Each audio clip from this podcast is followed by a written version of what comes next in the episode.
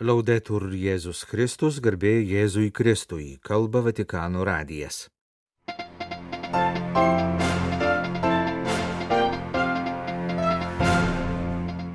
Trys popiežiaus audiencijos ketvirtadienio rytą. Italijos Viterbo vyskupijos tikintiesiems, moterų maldos grupė iš Luksemburgo ir Italijoje prieš 70 metų įkurtos kunigų brolyjos nariams. Popiežius Pranciškus parašė laišką Ukrainos graikų apieigų katalikų didžiajam arkivyskupui Svetoslavui Ševčiukui. Japonijos karitas vadovo interviu apie pagalbą nuo prieš porą savaičių įvykusio žemės drebėjimo nukentėjusiems žmonėms. Rengiamasi restauruoti Šventojo Petro bazilikos konfesijos altoriaus valdakimą.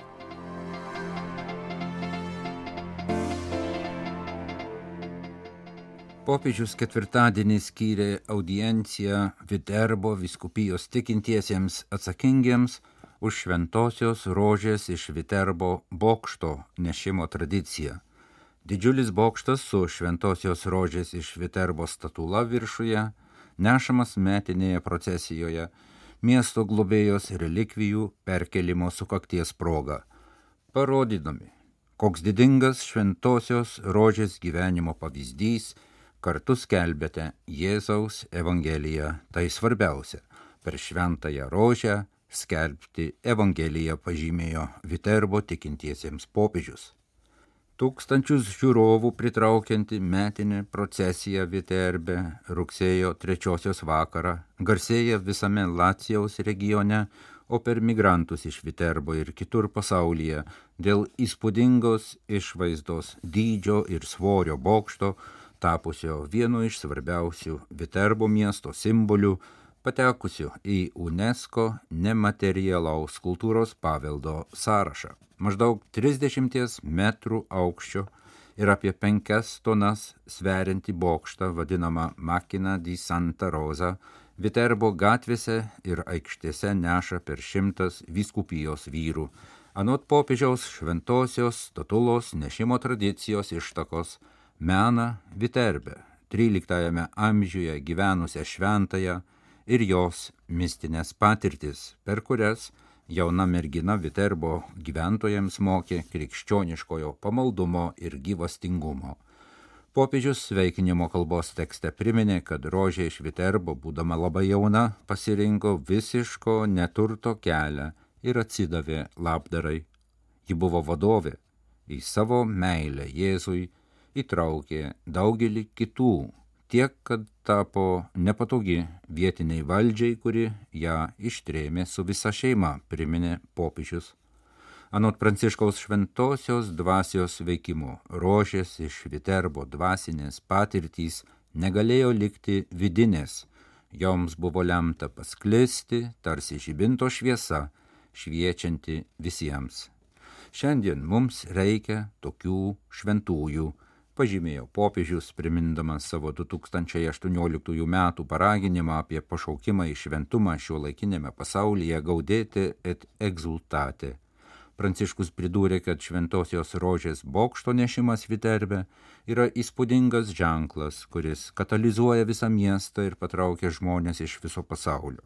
Tačiau kur kas svarbiau tai, kad bokšto nešimu visiems parodoma, koks puikus yra šventosios rožės pavyzdys. Tai pats svarbiausias dalykas - per šventąją rožę skelbti Evangeliją. Rožė iš Viterbo, Pranciškaus trečiojo ordino narė, mirė 1251 metais, būdama 17 ar 18 metų, palaidota žemėje be karsto podžio švenčiausiosios mergelės Marijos bažnyčios kapinėse, po metų buvo perlaidota pačioje bažnyčioje, o kiek vėliau žemiški palaikai perkelti į Viterbo Klarisių vienuolyną. Nors šventosios kultas plačiai paplitęs ir vardas įrašytas į Romos martirologą, šventųjų kankinių ir liudytojų sąrašą, šventoji rožė iš Viterbo niekada nebuvo oficialiai kanonizuota.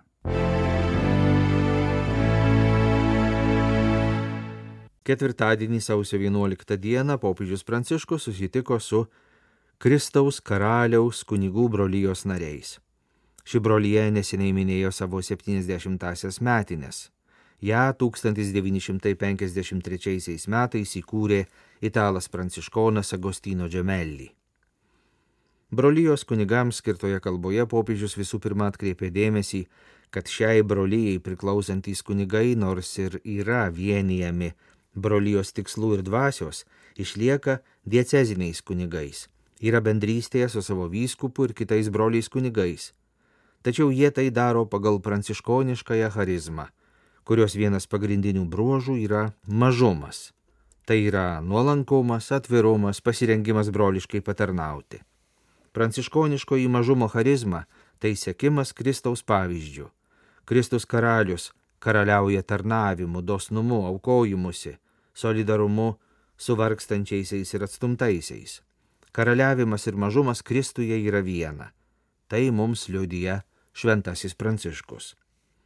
Brangus broliai, tegul ištikimybė pašaukimui saugo jūs nuo dviejų šiandien ir tarp kunigų paplitusių polinkių - savanaudiškumo ir supasaulėjimo. Ne vienas iš mūsų nėra nuo jų visiškai apsaugotas. Turite tai pripažinti ir į tai reaguoti, remiami viešpaties malonės. Telydijus Dievo motina ir šventasis Pranciškus Asižėtis linkėjo popiežius.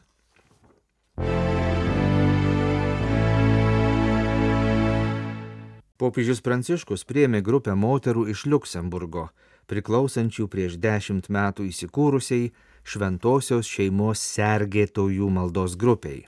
Audiencijoje dalyvavo ir šiai grupiai priklausanti Luksemburgo hercogo Henriko jaunesniojo brolio Vilhelmo žmona princesė Sibilė. Popiežius prisipažino, kad jam daro įspūdį šio spontaniškai per bendrą maldą susikūrusio judėjimo paprastumas ir nuolankumas. Norinčioms tapti šio judėjimo narėmis moterims keliama tik viena labai paprasta sąlyga - kasdien sukalbėti vieną rožinio slėpinį. È poco agli occhi degli uomini, ma è molto agli occhi di Dio. Žmogaus akimis žiūrint tai nedaug, bet Dievo akise daug, jei tai daroma ištikimai, su tikėjimu ir tarpusavio bendrystės dvasioje.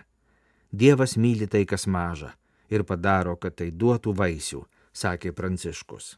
Pasak jo, taip pat tai, kad šį judėjimą sudaro vien moterys, pabrėžia ypatingą ir nepakeičiamą moters pašaukimą bažnyčioje. Moteriško rūpestingumo labai reikia visuomenės gyvenime, šeimoje, parapijoje, darbo aplinkoje, mūsų pasauliui, mūsų broliams ir seserims, kaip niekada reikia švelnumo. Marija buvo švelnumo įsikūnymas Jėzui. Jie yra švelnumo pavyzdys bažnyčiai ir pasauliui. Tai nebejotinai yra šio judėjimo pašaukimas - įkūnyti Dievo motinos švelnumą bažnyčiai ir pasauliui.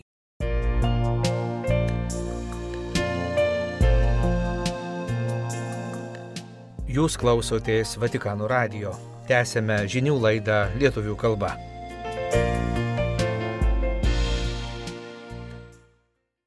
Ukrainos graikų katalikų bažnyčios interneto svetainėje pranešama apie didžiojo arkivyskupo Svetoslavo Šepčiuko, šios bažnyčios vyriausiojo ganytojo ir popiežiaus pranciškaus apsikeitimą laiškais. Po itin masyvios Rusijos atakos prieš daugybę civilių taikinių Ukrainoje, pasak popiežiaus, jis dalyjasi tais pačiais pasipiktinimo jausmais kaip ir ukrainietis ganytojas. Pranešime nurodoma, jog didysis arkivyskupas popiežiui laišką pasiuntė 2023 gruodžio 29-ąją, tą pačią dieną, kai Rusija surengė didžiausią tais metais ataką raketomis ir dronais, smogdama taip pat toli nuo fronto linijos esantiems miestams, kaip kad Lvivas. Po atakos Rusijos atstovai gyrėsi, jog smogė į įvairius karinius taikinius, o Ukrainos žiniasklaida skelbė pranešimus apie degančius namus ir kitus civilius objektus, apie dešimtis žuvusiųjų ir sužeistųjų. 2024 m. sausio 3-ąją Ukrainos graikų bažnyčios vyriausiai ganytoje pasiekė Pranciškaus atsakymas, kuriame popiežius pabrėžia, jog nori būti arti karo kankinamų Ukrainos žmonių ir greta jų esančių ukrainiečių ganytojų. prieš šias negarbingas ir nepriimtinas karinės operacijas, prieš civilius žmonės ir viso krašto civilinę infrastruktūrą, kurios negali būti pateisintos jokių būdų, jaučiu tokį pat pasipiktinimą ir skausmą kaip ir jūs. Cituojami popiežiaus žodžiai didžiajam arkivyskupui. Ukrainos graikų katalikų bažnyčios pranešime paminimi du kiti svarbus popiežiaus laiško akcentai. Viena popiežiaus pažadas, kad jis ir toliau garsiai kalbės už Ukrainą tol, kol nenurims karo riaumojimas ir neprasidės kelias link teisingos taikos. Popiežius priminė savo pastarųjų dienų pasisakymus svarbiausiamis ir didžiausią atgarsį turinčiomis progomis. Pirmosios metų dienos, kai minėta pasaulinė taikos diena, vidudienio malda, sausio trečiosios bendrąją audienciją. Galima pridurti, jog sausio aštuntąją popiežius kreipėsi į visą diplomatinį korpusą prie Šventojo sosto, apžvelgė pasaulinę panoramą Šventojo sosto akimis ir pristatė jo perspektyvą. Jis linkėjo, kad milijonus žmonių liečiančiai tragedijai Ukrainoje nebūtų leista tęstis, kad karas būtų užbaigtas pagal tarptautinę teisę. Deja, po beveik dviejų metų nuo Rusijos federacijos vykdomo plataus masto karo prieš Ukrainą taip trokštama taika, nepaisant daugybės aukų ir milžiniškų nuostolių, vis dar neranda vietos protose ir širdise, sakė popiežius Pranciškus.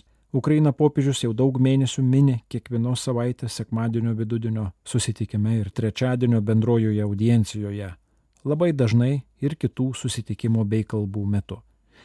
Kitas popiežiaus laiško didžiajam arkiviskupui akcentas - rizika, jog karas Ukrainoje gali būti nustumtas į antrą planą kad jį gali užgošti kiti tarptautinės arenos įvykiai.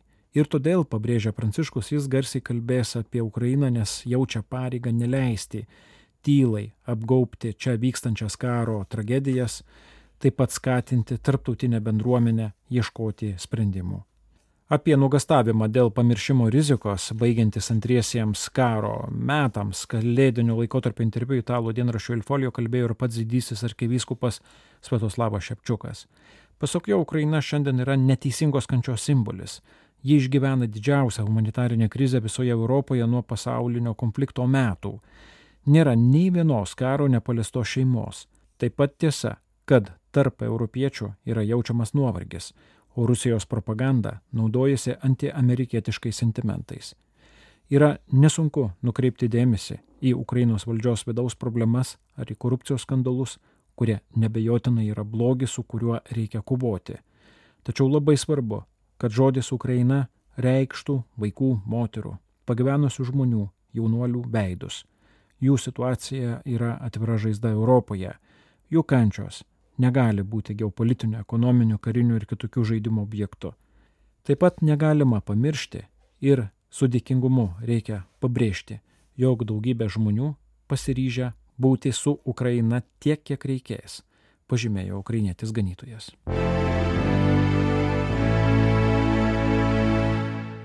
Interviu Vatican News Japonijos karitas prezidentas Nigatos vyskupas Daisuke Narui pasakoja apie sunkumus, su kuriais tebe susiduria šalies žmonės po neseniai įvykusio žemės drebėjimo. Naujųjų metų dieną Noto pusęsalyje įvyko žemės drebėjimas, kurio stiprumas siekė 7,6 balo. Jo epicentras buvo labai negiliai, tad žemės paviršių sudrebino labai stipriai, nusineždamas daugiau nei 200 žmonių gyvybių, daugiau kaip 560 žmonių buvo sužeisti. Drebėjimas užblokavo judėjimą, sukėlė daugybę pakartotinių smūgių bei vėlesnių žemės drebėjimų, atneždamas didžiulius nuostolius. Buvo atidaryta daugiau kaip 400 evakuacijos centrų, į kuriuos perkelta 28 tūkstančiai žmonių. Daugybė žmonių yra izoliuoti savo kaimuose ir miesteliuose, nes keliai yra sunaikinti. Ir daugelis yra ten, iš kur net negali išvykti į evakuacijos centrus. Dėl minusinės temperatūros, gausaus sniego ir lietaus buvo apsunkintas pagalbos teikimas, todėl tūkstančiai žmonių turi vis mažiau atsargų ir mažai informacijos. Japonijos karitas pirmininkas Nigatos vyskupas Daisuke Narui dėkoja 2019 m. lapkritį Japonijoje viešėjusiam šventajam tėvui už artumą kenčiantiems Japonijos žmonėms šiuo metu ir pabrėžia, kad niekada nereikia nuvertinti maldos galios. Popiežius Pranciškus asmeniškai gėdėjo per pražutingą žemės drebėjimą Japonijoje žuvusių žmonių, siūsdamas telegramą po nelaimės ir kalbėdamas apie tai per trečiadienio bendrąją audienciją. Japonijos karitas prezidentas pristato dabartinę situaciją, didžiausius iššūkius ir tai, ko reikia, kad būtų galima judėti į priekį. Japonijoje katalikų bažnyčia yra gana nedidelė pagal gyventojų skaičių. Taigi paprastai Japonijos karitas dirba užsienio pagalbos rytyje. Aktyviai bendradarbiauja su pasauliniu karitas tinklu, vykdydamas daugiau kaip 20 projektų visame pasaulyje. Japonijos karitas generalinėme sekretorijate Tokijuje dirba penki darbuotojai, kurie bendradarbiauja su 16 viskupijų atstovais ir tūkstančiais savanorių, vadovaudami veiklai ir ją koordinuodami.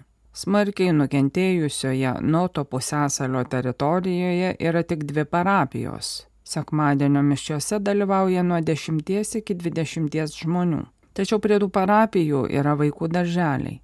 Dabar net ir netoliese gyvenantiems žmonėms sunku ten nuvykti, reikia laukti, kol bus sutvarkyti keliai. Vyskupas prašo nukentėjusius lydėti malda, nes tiems žmonėms, kurie yra izoliuoti nukentėjusioje teritorijoje, tokiu metu svarbu ne tik fizinės, bet ir protinės bei dvasinės jėgos.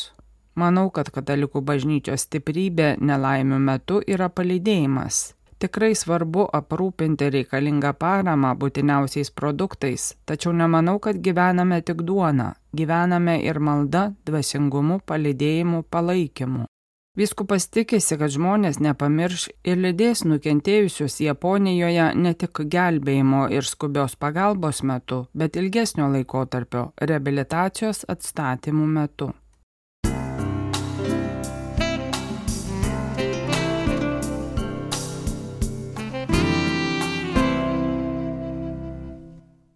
Besirengiant 2025 m. jubiliejui nuspręsta restauruoti didingą auksuotos bronzos baldakimą virš Šventojo Petro bazilikos konfesijos altoriaus. Per ketvirtadienį Vatikane vykusią spaudos konferenciją restauravimo darbus pristatė Šventojo Petro bazilikos arkikunigas kardinolas Mario Gambetti ir keli kiti su projektu susiję asmenys.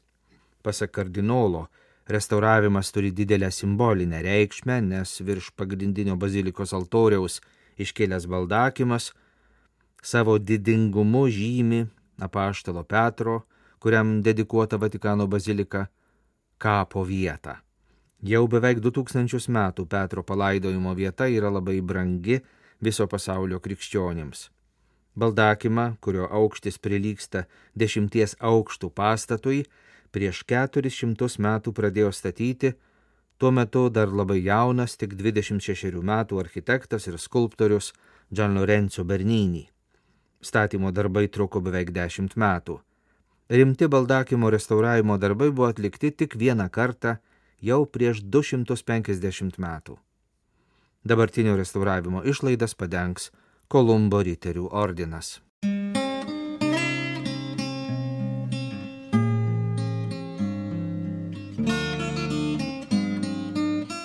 Kalba Vatikano radijas. Laidą lietuvių kalba baigėme. Garbėjai Jėzui Kristui, laudetur Jėzus Kristus.